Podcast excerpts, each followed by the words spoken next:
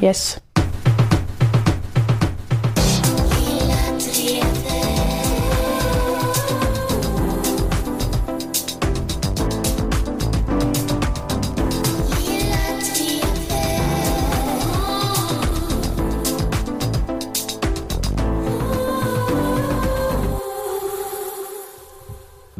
Då säger vi välkomna till det 114 avsnittet av den samtidskommenterande podcasten Lilla Drevet.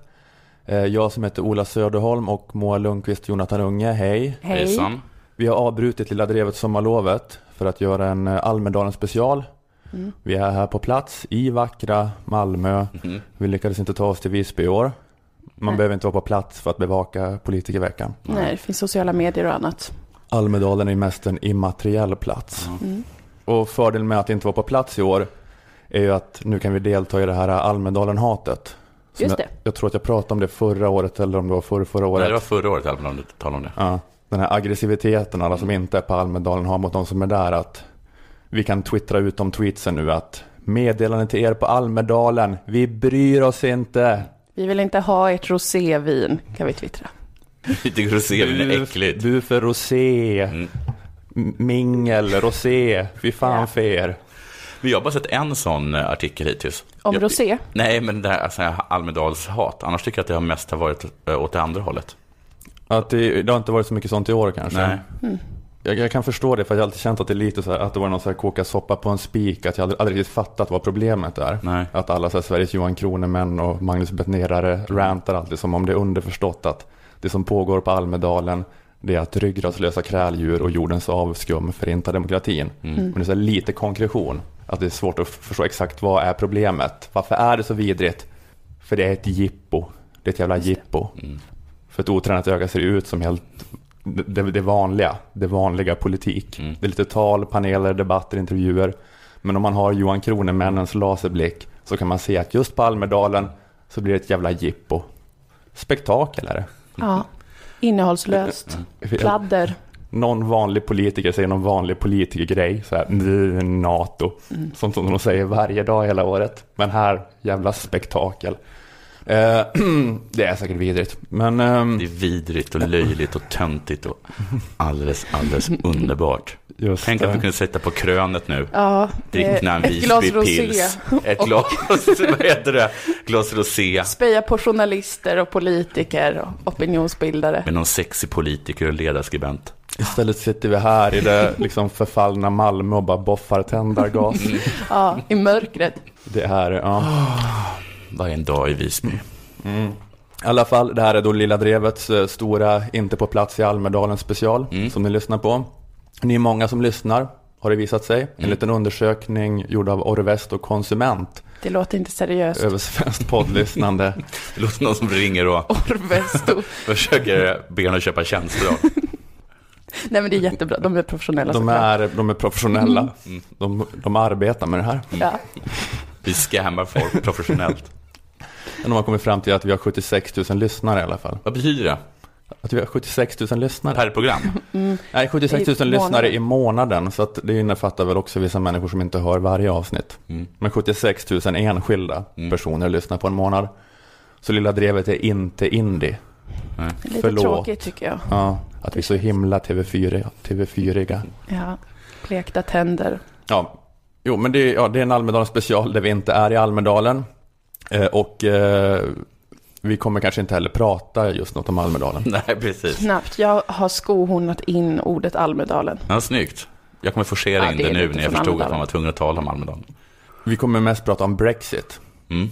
Storbritannien har röstat för att lämna EU. Mm. Yes. Det är det. Ganska Det är en grej, ballt. Det är något, ja precis. Jag tänkte att jag måste bara säga det här också, att det är det som Brexit är. Mm. För jag har många lyssnare jag stöter på säger att de har ingen nyhetsinput överhuvudtaget, förutom Lilla Drevet. Okej. Det är en vanlig sägning. Så att jag, det var en ganska chockerande nyhet de fick nu här. Som de måste... Nu brakar det loss. jag hoppas de, på Twitter. hoppas de satt ner. Hoppas man aldrig gör en undersökning om vilken podd som är mest välinformerade lyssnare. Ja, precis. Det är 76 000 haschtomtar. Då kommer liksom Lilla Drevet och Fox News hamna på samma.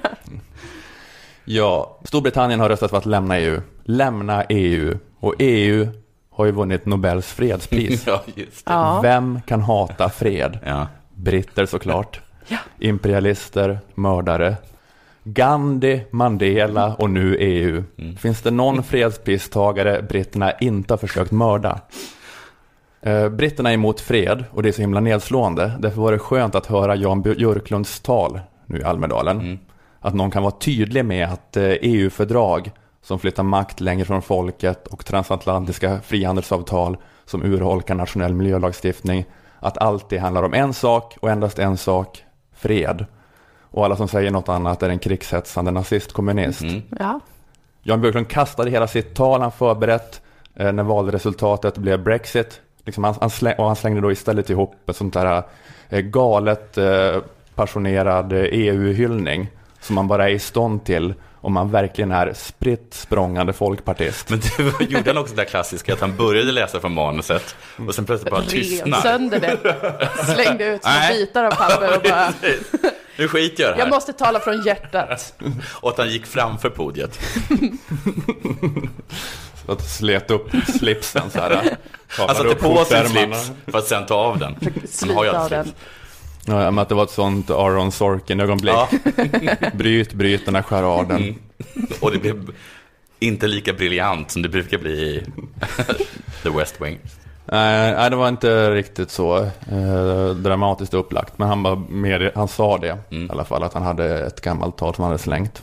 För att han skulle ha det här då galet, Jag passionerade vet inte om det var sant. EU-hyllningen. Nej, nej. Nej. det kan ju vara något man bara skrev i manusen då. Det var en sån ursäkt till varför det här talet kanske in, Mm. inte är jättebra. Att jag var ju tvungen att slänga ihop det snabbt på grund av de extraordinära omständigheterna. Mm. Han eh, slängde då ihop en, en galet eh, passionerad EU-hyllning som man bara är stånd till om man då verkligen är spritt språngande folkpartist. Mm. Eller vad de heter nu för tiden. Eh, om någon av oss dödliga försöker oss på en sån EU-hyllning låter det bara falskt. Det är som när en svensk kör försöker sjunga gospel som de gör i en amerikansk sydstatskyrka. Mm. Att även om de kan lära sig det tekniskt perfekt så blir det ändå inte samma känsla. Det här med att sjunga ut sin smärta efter att ha överlevt 400 år av förtryck, det ger liksom en extra tyngd och patos åt det hela. På samma vis är det för de som är eh, helt besjälade av folkpartism. Att de här 70 åren av frihandelsavtal och rovdrift på jordens ändliga resurser och tredje världens arbetskraft, att, att när de gör det, det, det, blir, det blir helt oefterhärmligt. Jag har gjort eh, ett eh, enminutssammandrag här utav, av hans tal. Det var längtan efter frihet som var drivkraften när man bildade den Europeiska unionen. Det var som det starkaste motgiftet mot kommunism, mot nazism och fascism. EU valde frihet och demokrati framför förtryck och diktatur. Att stå upp mot Putin. Freden och friheten för våra barn. Marknadsekonomi och frihandel framför planekonomi. Och EU behövs för att stå upp mot Putin. Fred och tolerans framför krig och främlingsfientlighet. Hur de längtade till Europa och det var det som Putin fruktade mest av allt. Det är inte mer planekonomiska lösningar som behövs. Det är mer marknadsekonomiska lösningar. Sverige borde vara en del av Europas kärna där ett framtida mål även är ett medlemskap i eurozonen. När de sköts till döds, de här ungdomarna som protesterade mot kommunistregimen, så sköts de till döds med EU-flaggan i sina händer.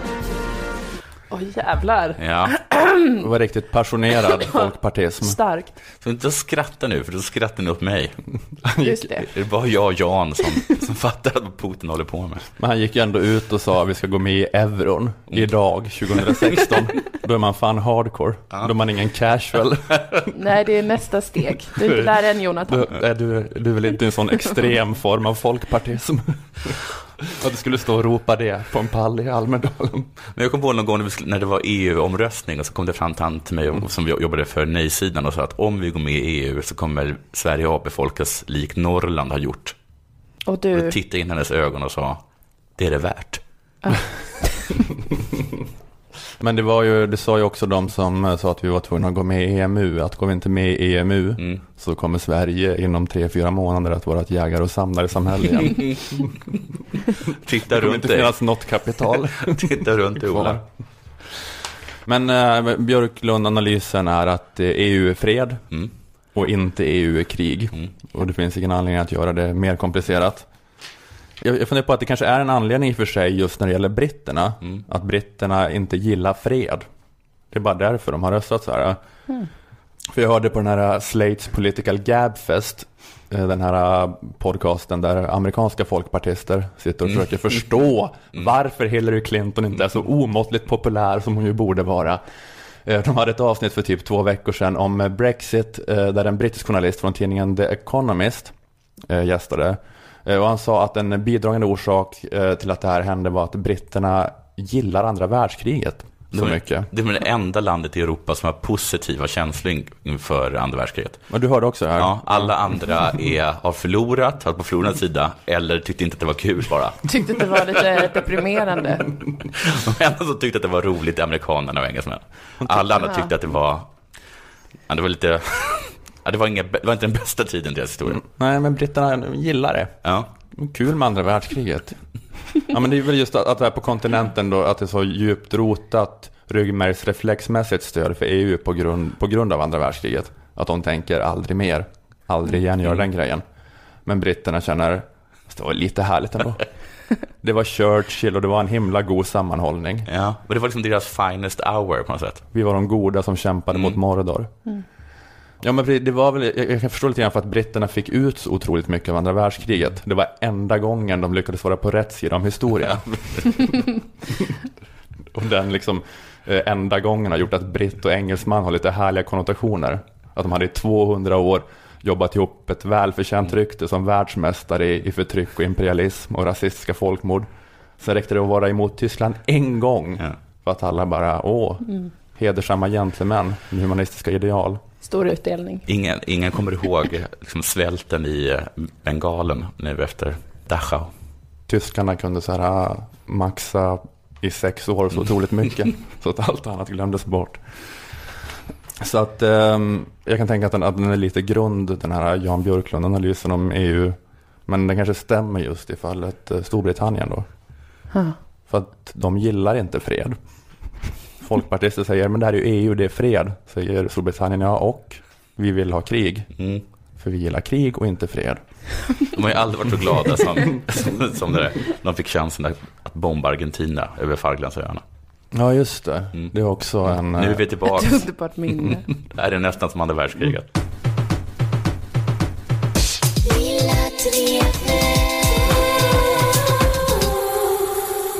Lilla Drevets sommarspecial, vårt Inte på plats i Almedalen avsnitt sponsras av Akademikernas A-kassa. Tack för att ni är med oss och fortsätter att göra den här podden möjlig. Akademikernas A-kassa är Sveriges största och bästa A-kassa. Anslut dig du också, precis som 670 000 människor redan har gjort. Avgiften är låg, bara 100 kronor i månaden.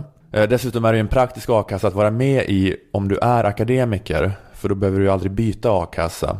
Även om du byter yrke så kommer du ju alltid vara akademiker. Eh, alla som inte är akademiker ska såklart också vara med i a-kassan. Gå in på väljaakassa.se för att se vilken a-kassa som passar dig. Medlemskap i a-kassan gör att du kan få upp till 20 000 kronor i månaden under perioden efter att du har blivit utlasad från Sveriges Radio och innan ditt vikariat på nyhetssajten KIT börjar. Eller vilken bransch du nu jobbar i.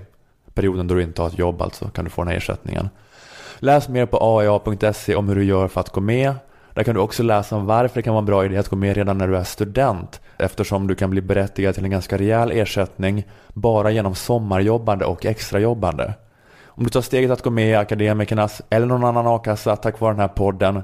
Skriv det gärna i din ansökan och snedstreck eller berätta om det i sociala medier under hashtag lilla drevet. Tack Akademikernas.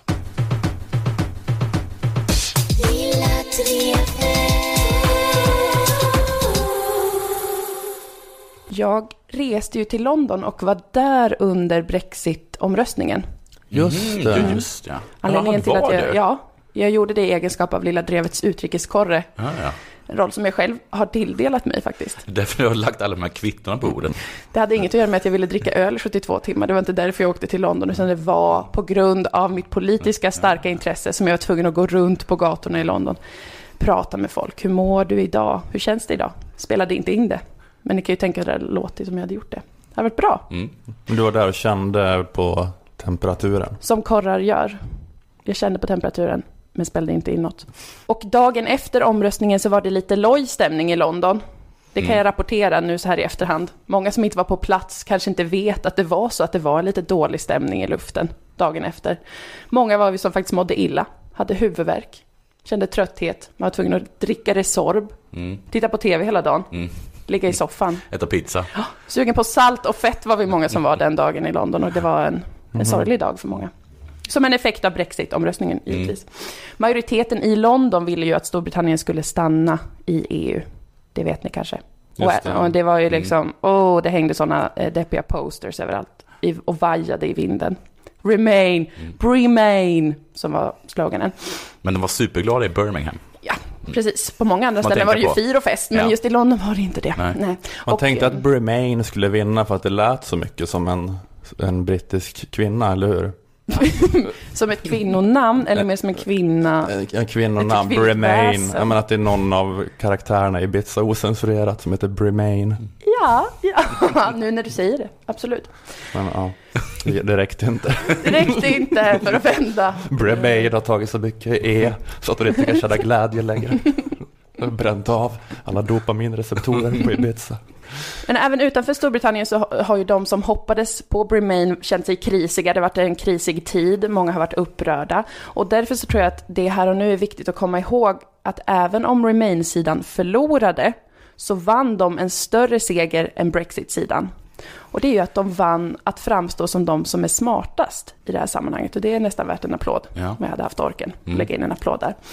För dagen efter omröstningen så kom nyheten att den vanligaste söktermen gällande EU efter att omröstningen hade stängts var What does it mean to leave the EU? Mm. och What is the EU? Oj vad man skrattade. Skrattade läppen av sig, skrattade på sig, vad patetiskt. Det är många som har haft roligt åt det. Och det var underförstått att det var de som röstat för Brexit som Precis, sökt på det för här. det hade ju kunnat vara, liksom rent, om man tänker inte. sig så skulle det kunna vara från båda sidor. Ja, men självklart skulle det kunna vara så att det var folk från båda sidorna som har sökt på det här. Men lite mellan raderna insinuerades det att det var de som röstade för Brexit som hade sökt på What is the EU? Eh, och på så vis så vann ju Remain-sidan segern av att vara de som verkar förstå vad EU är. Det är ju seger man inte ska underskatta. I verkligheten är det ju så att ingen människa vet vad EU är, eller hur Nej. det fungerar. Inte en endaste människa. Men efter omröstningen så uppstod ett konsensus kring att det var Brexit-supportrarna som, som inte förstod, och inte förstår. De förstår inte demokrati överhuvudtaget, sa man. Medan Remainers fattar det, vad EU är. Och det finns få saker som är så pinsamma som inte förstå EU, vad det är Ja. idag. Jag kan knappt komma på någonting. Skulle vara att gå runt med liksom obehandlad gonorré och tro att det är en naturlig reaktion på ett nytt sköljmedel. Och sen att man, liksom, man stämmer sköljmedelsföretaget för det. För att man har blivit steril av den gonorrén obehandlad. Ger ut en bok om det traumat. Och sen får man veta vad det egentligen var. Det är det enda jag kan komma på som är mer pinsamt än att inte veta vad EU är. Och det säger ju en del. Var boken en hit? Det skulle nog bli det. Så fort alla har läst första sidan så säger de, men herregud, det är ju en sjukdom du har. Det är inget jävla sköljmedel, Nej. människa. Nej, du har ju gonorré. Fruktansvärt pinsamt. Men det är alltså det enda Hade som du är ingen redaktör? Det enda som är mer pinsamt än att inte förstå vad, EU är. Remain-sidan kan fira i många, många år nu att de är de som för alltid framstår som de som förstår EU. Alla dumjävla skåpspån som röstade för Brexit fattar inte EU, kan de ju skrika på en fest rakt ut. Patetiska oss som inte ens vet skillnaden mellan Europeiska rådet och Europeiska unionens råd, va? De dumma jävlarna kan man liksom prata om på fest nu. Och det är en seger, det här tycker jag att man ska komma ihåg. Det är en underbar gåva att varje dag, i minst några år framöver, få ha en syrlig, belåten blick och insinuera att man vet exakt vad Europeiska kommissionen, Europeiska unionens domstol, Europeiska centralbanken och Europeiska revisionsrätten är och gör. Det kan man ju må bra av. Det kan ju Remainersen få som en seger här. Ja, det var skönt att eh, det fanns sån eh, bred kunskap om det här. ändå. Precis. Att, eh, att då var det väldigt väl informerat i stora delar utav bland de som Exakt. röstade. Tänk Exakt. att skottarna kan så mycket om EU. De kan så otroligt mycket. De bara, Det är just de och Nordirland som kan mest om EU. de bara släpp. Berättar något om eh, revisionsrätten. Mm. Eh, och det som man också får som en seger om man var med på Remain-sidan är ju att man kan skratta med i skämt och satir. Eh, John Oliver i Last Week Tonight, USAs lilla drevet, skojade ju då om Brexit-omröstningen. Och han tog med den här googlingsgrejen, det här otroligt Ja. eh, skämmiga, otroligt roliga. Där kan man ju få skratta med om man är en Remain. Some of the most Googled questions in the UK since the polls closed last night. What does it mean to leave the EU? And what is the EU? Woo! Vilken kick hörni! Man skrattar till stämbanden blöder faktiskt, men det här var ju för jävla kul. Att det finns så många som inte vet vad EU är och som ändå röstade för att gå ur EU, som de ju inte vet vad det är. Det är som att eh, lämna sin partner för att man inte vet vem den är längre och inser att jag kanske aldrig har vetat vem den här människan är. Vem gör något sånt? Vem lämnar i det läget? Bara en riktigt dum person. Vem lämnar sin partner och sen googlar vem är min partner? Ja, det är ju, det är ju också helt sjukt. Om man, om man Vad inte... betyder att lämna henne? Inget sex, va?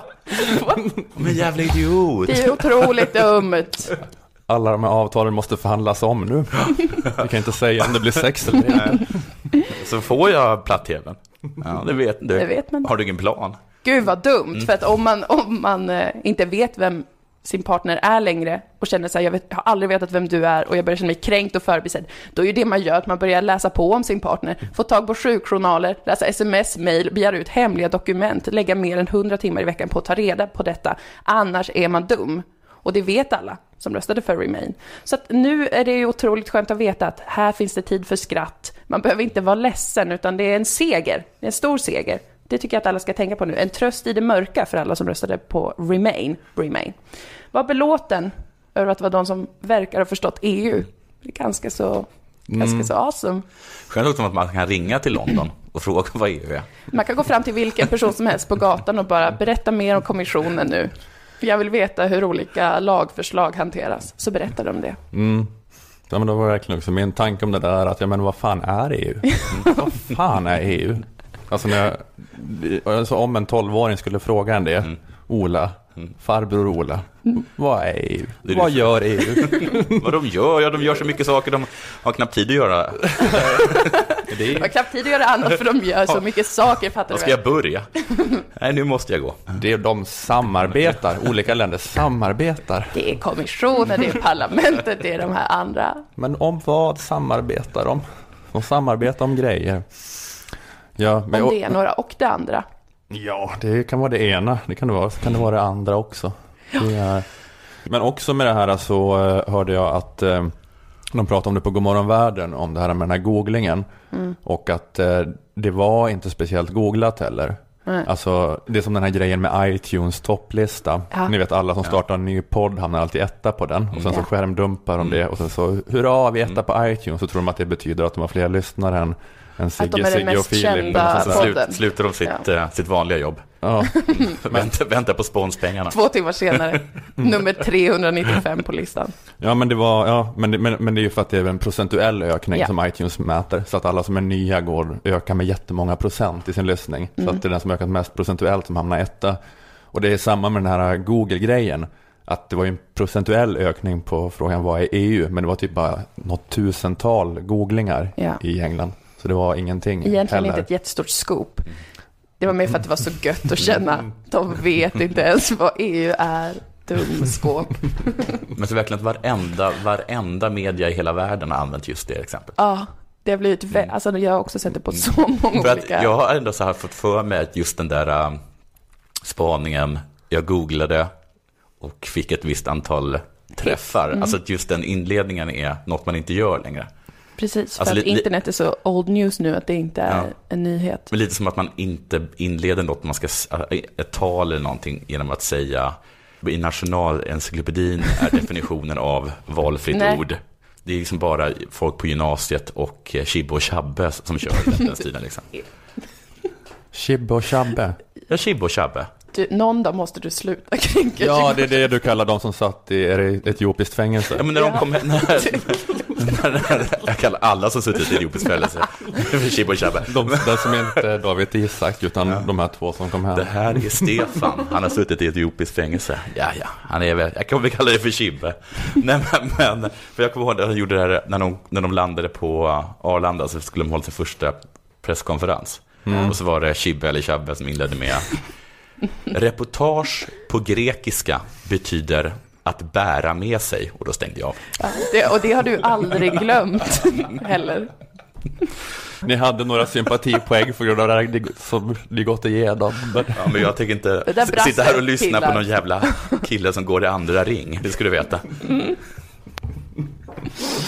Nej, just det. Men för så var eh, kly- klyschan att inleda typ en krönika eller ett kåseri eller ett tal. Var, innan internet var Mm. det, det här är i Nationalencyklopedin, definitionen av det här ordet Mm. är. Sen så blev det, det här ordet ger så här många träffar Ja, på precis. Google. Det vanligaste sökningen efter bla bla bla. Man inte, gör- man inte gör liksom så längre, men tydligen. Now it's back. Chibbo Chabbe har tagit tillbaka definitionsgrejen och. Alla stora medier Alla. tar tillbaka nu att inleda med den mest googlade termen igår kväll var punkt, punkt. Men om det var så att det var bara då en sån eh, procentuell ökning som hade gjort att det hamnade i topp på Google-sökningar. Det var väldigt få Google-sökningar. Jag tycker att problemet var att så få hade googlat på det. Mm. För det, jag tänkte också vilken bra idé att googla på vad är Mm. EU. Ja, Jag tänkte, jag borde verkligen läsa åtminstone Wikipedia-artikeln om. EU. Så att jag får något grepp om vad, vad, EU, vad EU har för börja makt och sånt försöka där. förstå hur det påver- kommer påverka ens liv. Ja, då är det ju faktiskt jättefå. Så, så det borde ha varit vinkeln. Och de söka. Vad, varför har ni inte googlat på EU för? Vi kan inget om det, ni kan inget om det. Varför har inte jag googlat på det? Vad heter han? Juncker, vet han det? Ja, Man borde, det. man borde in, gå in på hans dator och kolla hur många gånger han har googlat på EU. googlat på varje institution flera gånger per dag och skrivit What is the commission? What does the commission do? Inför varje möte. Vem är den där Juncker alla talar om? Vad jobbar Juncker med i EU? Det är, så, så här, det är så dammiga luxemburgska gubbar som sitter där och, så att de vet inte ens själva vilka de är. Junker van Rompuy sitter här och sitter med öronsnäcka liksom hela dagen i ett parlament och så här halvsover. Vem är jag ens? Vad gör jag? Ibland kommer upp någon sån här britt i färgglad slips och, och skäller ut mig. Det är det enda. Det kommer sluta nu. Jag såg på Aftonbladet var något så här Juncker biter tillbaka. Eller något så här, Ja, just det. n- när UKIP applåderar i parlamentet. Jaha, okej. Vänder han sig om och säger, vad gör ni här? Superdräpande. Det var också en fråga som man hade googlat innan. Vilka shutter upper fraser har jag till UKIP?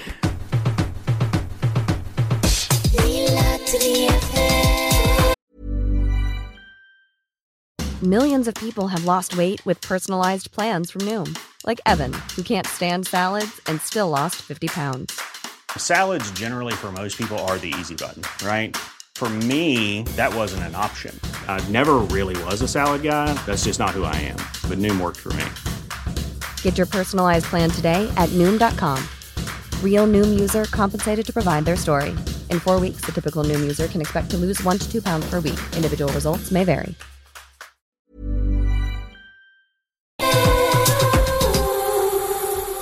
Uh, hörni, eh, mina barn. Okej. Innan Brexit så fanns det ju ett Amrexit. Eh, Amrexit. Men jag vet inte exakt hur det... Ja, ja, Ja, okej, det fanns ett Amrexit. Har det med Amerika att göra? ja precis. Ah, ja, ja. Just det. Och det är nästan det jag ska prata om, för att jag ska nämligen prata om det här.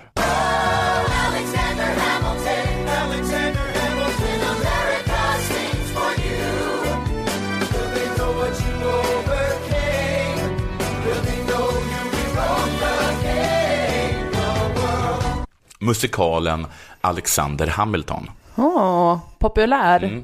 en av the founding fathers, eh, som handlar om det amerikanska frihetskriget och dess efterspel där olika krafter slåss om hur det nya landet USA ska se ut. Den här musikalen innehåller till exempel nummer som detta. Now, how you gonna get your debt plan through? I guess I'm gonna finally have to listen to you. Really? Talk less, smile more. Do whatever it takes to get my plan on the Congress floor. Just det här numret handlar om hur Aaron Burr försöker komma in på ett möte mellan Alexander Hamilton, Thomas Jefferson och James Madison om hur eh, finanspolitiken ska utformas för den nya staten USA. Eller varför inte lyssna på detta nummer? Secretary Jefferson, you have the floor, sir. When we were on death's door when we were needy, we made a promise. We signed a treaty. We needed money and guns and half a chance. Uh, who provided those funds? France. Secretary Hamilton, your response. You must be out of your goddamn mind if you think the president is gonna bring the nation to the brink of meddling in the middle of a military mess, a game of chess where France is queen and kingless.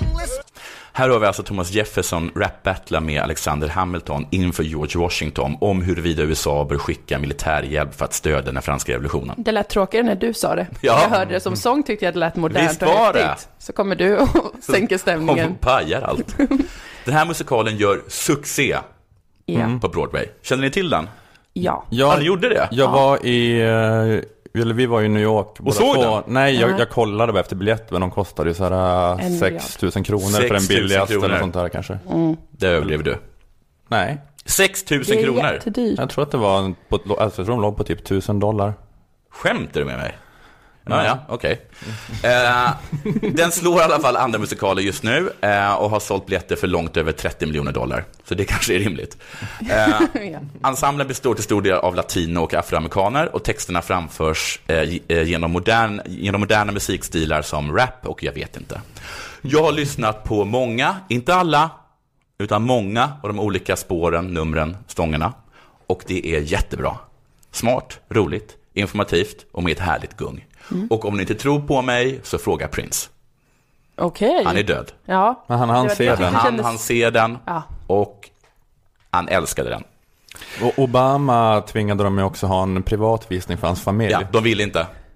Men de de gjorde det väl? Ja, även de ville. Och Bernie Sanders var och såg den, fast med vanligt folk. Ja, ja.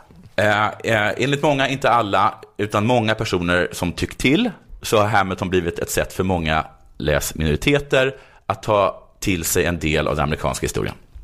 Som de kanske känt sig lite utanför, eller inte kunnat omfamna. Då liksom hjältarna i legenden om hur USA blev till var slavägare, eh, väldigt vita. Ja. Och så här i efterhand allmänt osköna. Nu har jag inga exakta siffror på hur många i New Yorks utanförskapsområden som gått på den här Broadway-musikalen. Om du nu med den här nya informationen jag fått av dig, att de kostar eh, s- eh, hund- eh, tus- hund- tusen dollar. Ja men det är ju bara de rika som går mest. Men jag Mm. hörde att de har vissa sådana projekt att, eh, att eh, ungar från uh, fattiga områden får gå, får gå med, så här, på så här, skolvisningar. typ, Mm. Och som jag har förstått det så älskar de det. Eh, Så vi har inga exakta siffror, men jag säger som min gamla farmor, frid över hennes minne, hon lever. Det vore intressant att forska om. Lite tips till er forskningssugna där ute. Det som verkligen gläder mig med den här nyheten, det är att trots vad Erik Niva påstår, så är det inte sport, fotboll, hashtag vi är Sverige, hashtag det nya landslaget, som är svaret på en lyckad integration. Utan det är konsten. Svaret har och har alltid varit musikal. Vilket vi musikalgrabbar alltid vetat innerst inne, tror jag. Jag talar med dig, Reinfeldt. Inget slår en riktigt bra musikal när det kommer till att få folk att förstå och framförallt känna ett historiskt skeende. Ta bara Les Misérables och andra exempel som exempel. Ja. Miss Saigon? Mm. Sång, dans och kortare stunder av prat är vägen om vi vill överkomma utanförskap, identitetslöshet, brist på gemenskap, brist på nationalkänsla. Allt det Niva ville att Zlatan skulle generera och såg honom misslyckas med, det kan Karl Dajal som Olaus Petri lyckas med. Ja, ja, ja. Linda Pira som drottning Kristina. Näk som Karl Staff. Seina Bosei som Hjalmar Branting kanske. Tänk en andra generations chilenare spela Palme. Det hade de älskat. Chilenare. Chilenare. Ja, ja. Ja. Då är tokiga i Palme. Jag vill se en debatt på Göta Lejon mellan hattarna och mössorna. En sorgesång om förlusten av Sveaborg. Något om 1809s regeringsform framförda med moderna musikstilar som rap och jag vet inte. Rave kanske. Ja, det, absolut. Det låter som en jättedålig idé. Men det sa man om internet också. Allt som behövs är att Adam Tensta blir bra. Och tar tag i det här. Samt att alla i Rosengård börjar gå på musikal. Men jag tror att det här är jättelätt ordnat. Jag tror det är jättelätt att få fram pengar till det här också. Tror du det? Ja. Framför, alltså, Jag sa det först. det mest givna är väl, ja du kan bli projektledare för hela det här. Ja, det kommer Projekt. gå svin. Ge mig bara budgetansvar och hiring and firing power. Jag är ledsen Adam Tensta. De ska massproducera dem som Beck-filmer. Varje historiskt skeende ska rappas fram. Men tänk, det som ligger närmast är väl nästan alltså, utvandrarna i historien. Alltså Kristina från Duvemåla. Ja, som, Ja. eh, Fast med Linda Pira som den där gnälliga Kristina. Jag kiver inte mer. Fast med rap då. Ja, Och jag är inte helt säker på att jag är sarkastisk när jag säger det här. nej. Nej, men det är en bra idé. Eller har ju visat sig vara en För det har uppenbarligen inte funkat med sport. Vad sägs om att låta grabbarna på Kinateatern få ett försök? Alice Bakunke, jag vet att du lyssnar. Ge en, Och jag är miljard, ganska ge, säker på att du på riktigt älskar den här idén. ge en miljard till Jonathan Unge. Ja. Så ska han börja trycka ut de här.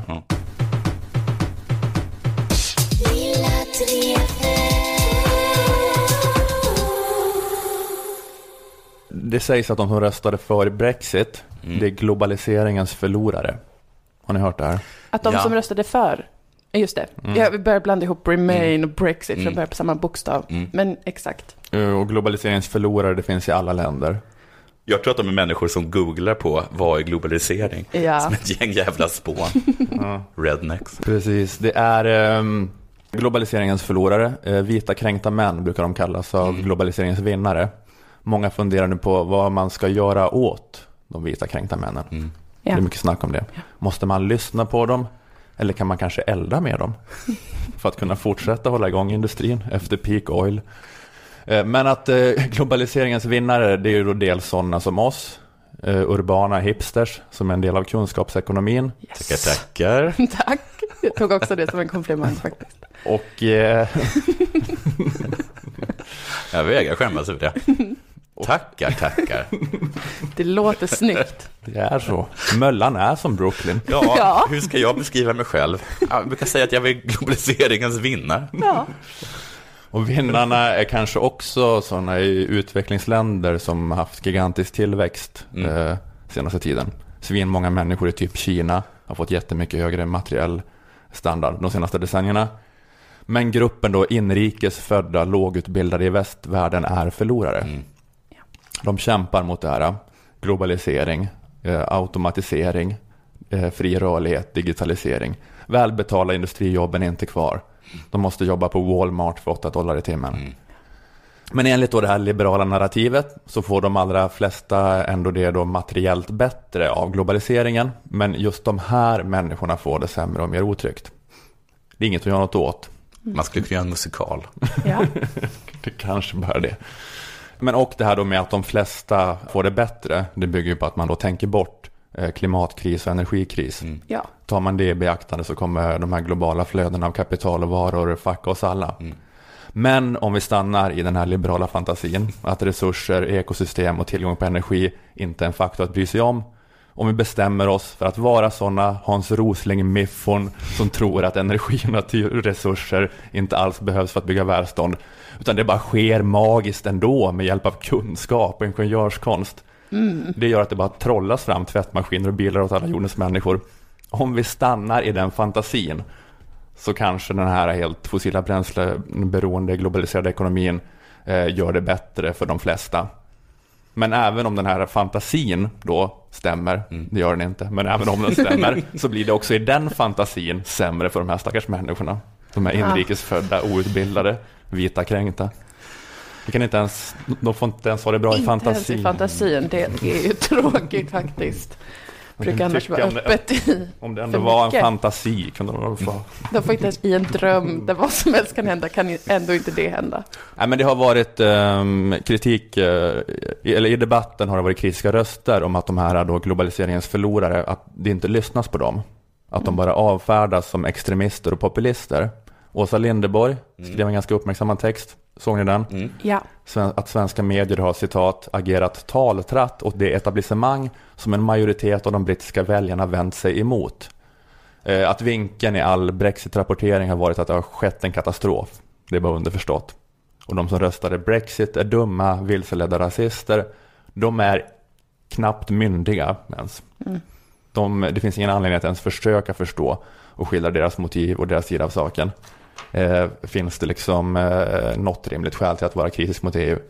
Eh, förutom att man är rasist. Eh, men eh, Lindeborg och några andra ansett att det har varit så här.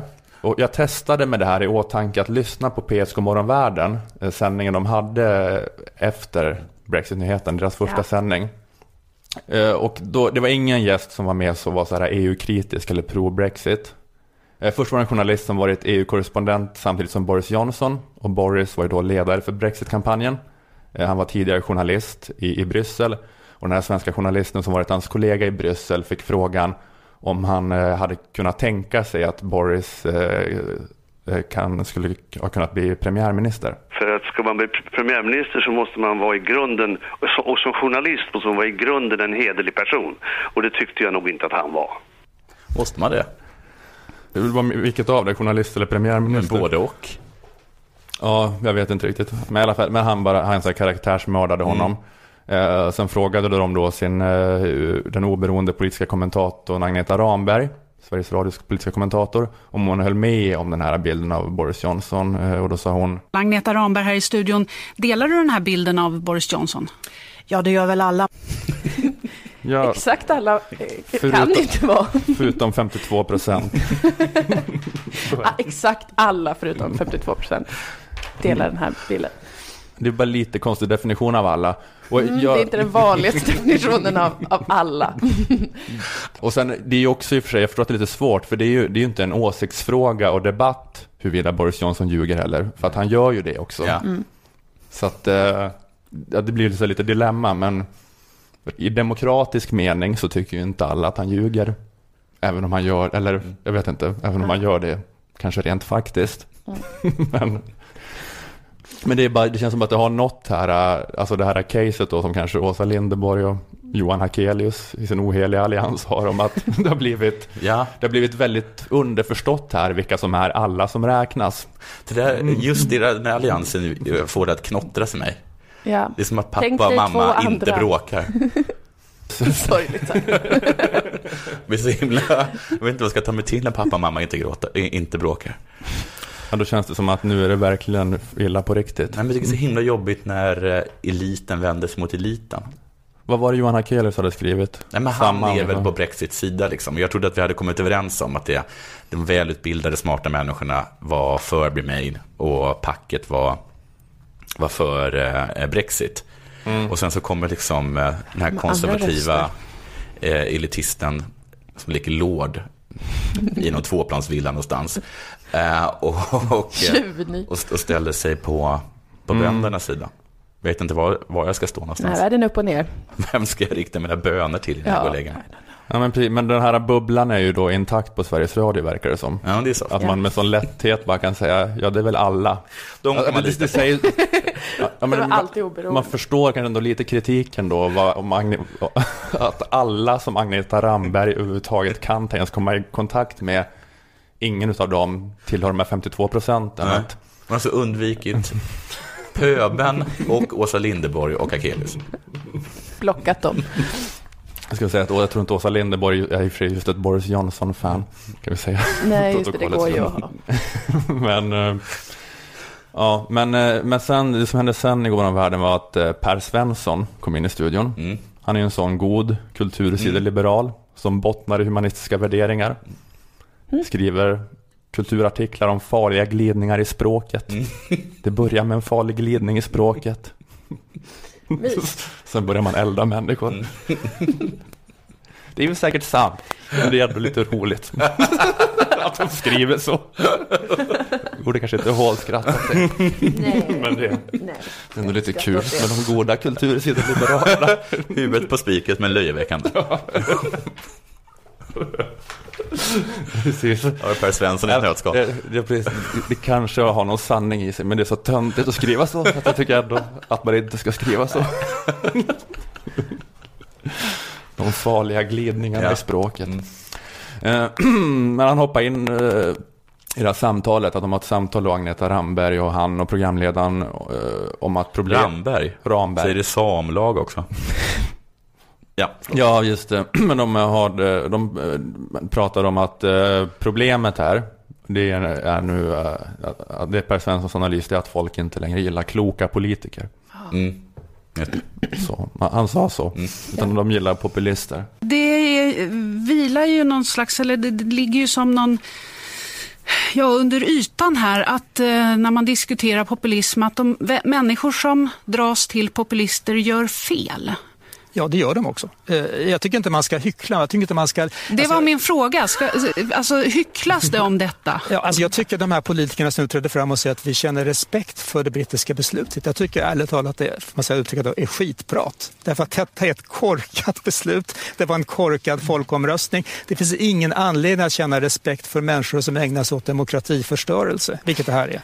Alltså oavsett vad som är rätt eller fel med vad Per Svensson säger här. Och Per Svensson får ju ha sin åsikt. Men man, ja, det är också så här gränsfall man borde ha en må, motåsikt här. Ja. Ja, jo, men som, kanske. Som inte bara tycker att det är populism och extremism. Jag menar, det är ju halva befolkningen då som det börjar röra sig om. Som Ja. är de här då Ja. globaliseringens förlorare, populisterna, extremisterna. Eh, och de kan såklart ha fel, och de, de, eller det är ju mycket möjligt att de har fel och är vilseledda av populism. Men det blir ändå så lite demokratiskt underskott. Eller ja, det är vilka har monopol på att kalla de andra populister och extremister när det är 50-50? Mm. Mm. Alltså även om man personligen är mycket mer team Per Svensson så man känner, det börjar bli så det börjar bli så jävla många extremister nu. Mm. Alltså när jag var liten var typ 5% extremister. Men Och nu är det, nu är det hälften. Det är så jävla mycket Det är lite extremister. stressigt Men har det faktiskt. varit också lite, eh, i alla fall för, nå- för ett tag sedan, att man, alla de här människorna som blir förlorade på globaliseringen, att från den ena sidan då har det varit så här, ja men vi måste helt enkelt bara förklara för dem att ja, det är ni och det är kört för er. Och det är bara liksom så det är. Men sen nu, eftersom att de är i majoritet, så ställer det till så himla mycket problem. Så fort det händer någonting så blir det en massa förlorare. Och de kommer antagligen inte kunna, göra, eh, kunna rädda. Och det måste ni förstå. Ni kan skrika och gnälla hur mycket ni vill, men ni är förlorare här. Sen bara visar sig då att de är 52 procent. Det är då det blir jobbigt. Ja, precis. Att vissa grupper som man tänkt skulle vara större skulle få det bättre. Men Men det är så himla svårt att säga till 52 procent att de bara får tugga i sig det. Ja. mm. Men det känns som att alla borde ha ett inbördeskrig. Ja, för att nu är Nu, så här kan vi inte ha det. nu, nu har vi kommit till punkten då hälften är goda och hälften är onda. ja, det kanske bara är Så dags liksom- att kalla på Ja, det så får nu. vi se, liksom, får vi, får vi se liksom, vem som blir goda beroende på vem som vann. Liksom. Ja. ja, det är väl ett förslag. Ja. Åh nej, jag orkar inte med det. Nej, jag tycker det ska bli superjobbigt. Ja, det kommer vara jättetråkigt. Men jag tror att det är den enda lösningen. Eh, trial by combat. Mm. Vilka som är vinnarna i detta. Ja, men det är det att britterna har förstått att det barkar åt det hållet. Mm. Och de eh, bara rycker plåstret direkt nu. Mm. Och de välkomnar också kriget då. Ja. att det är det bästa de vet.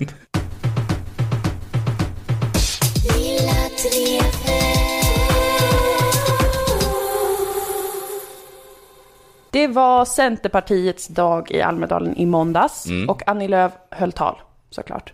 Mycket handlar om jobben. Mm. Det är mycket med jobben hela tiden och Annie pratade då om kategorin yrken som då nu kallas för enkla jobb. Mm. Och definitionen av enkla jobb, om man slår upp det, är ju blink-smiley. Ni fattar. Mm. Det är ju definitionen. Men det är en definition som folk inte nöjde sig med. Nudge, nudge. Nudge, nudge. Ni förstår. Tyst nu, ni vet vad vi menar. Men, men folk var så här, vad menar du för jobb, Annie? Mm. De var upphetsade och ilskna. Vad är det Mm. du pratar om? Fick inget svar direkt.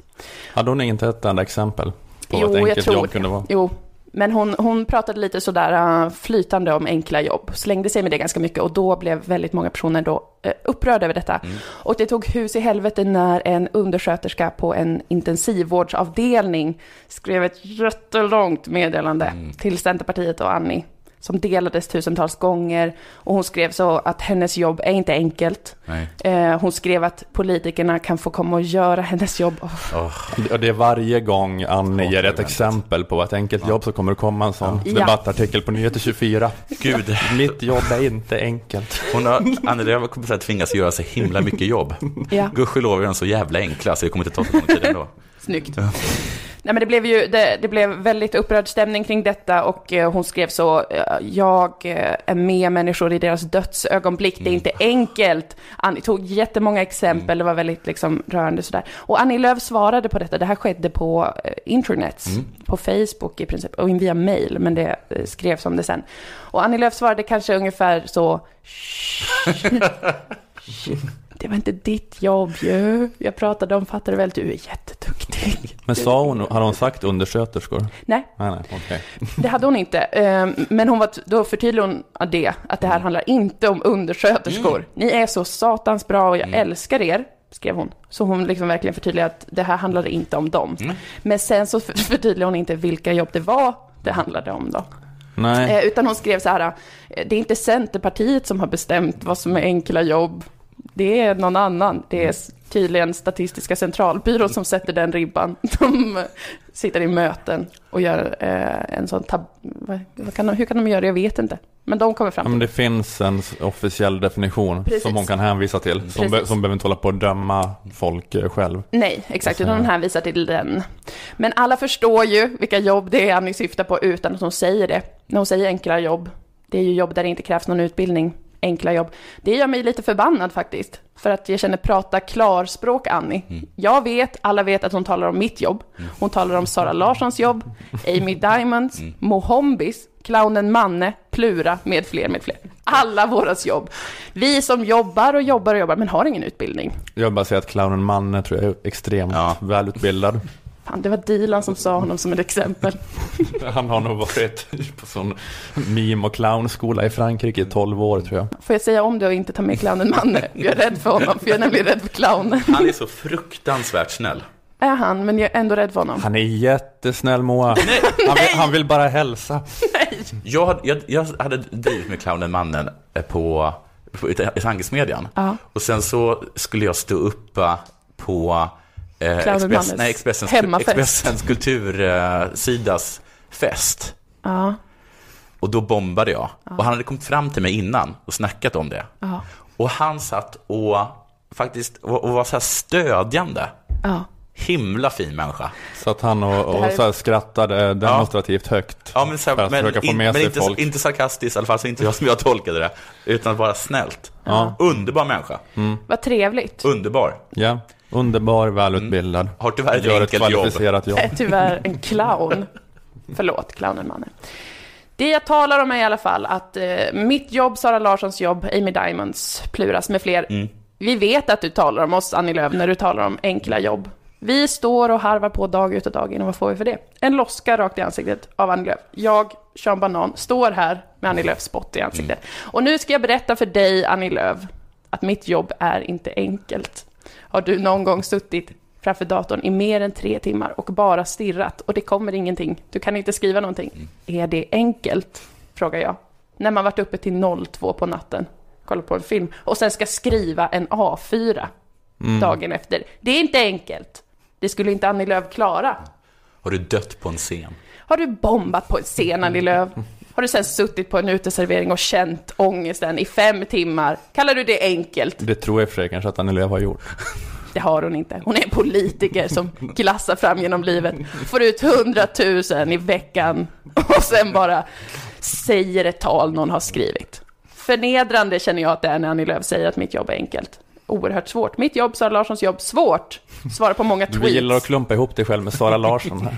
Jag tänkte att jag gjorde det subtilt, Ola, men om ni måste säga det rakt ut så När jag absolut. säger jag, då menar jag jag, Och Sara Larsson. Vi är equal i det här. Vi båda kämpar för att Annie Lööf ska se vad vi gör. Och jag är oerhört illa berörd och vill att Centerpartiet och Statistiska centralbyrån ställs till svars för hur de formulerar sig kring mitt jobb. Det här enkla jobbet, som jag vet att det är ni pratar om. Tycker att det är för jävligt faktiskt, och skandalöst. Det är inget enkelt jobb. Nej. Jag skulle vilja se dig. Jag vill se Annie Lööf sitta vid en dator. Just det.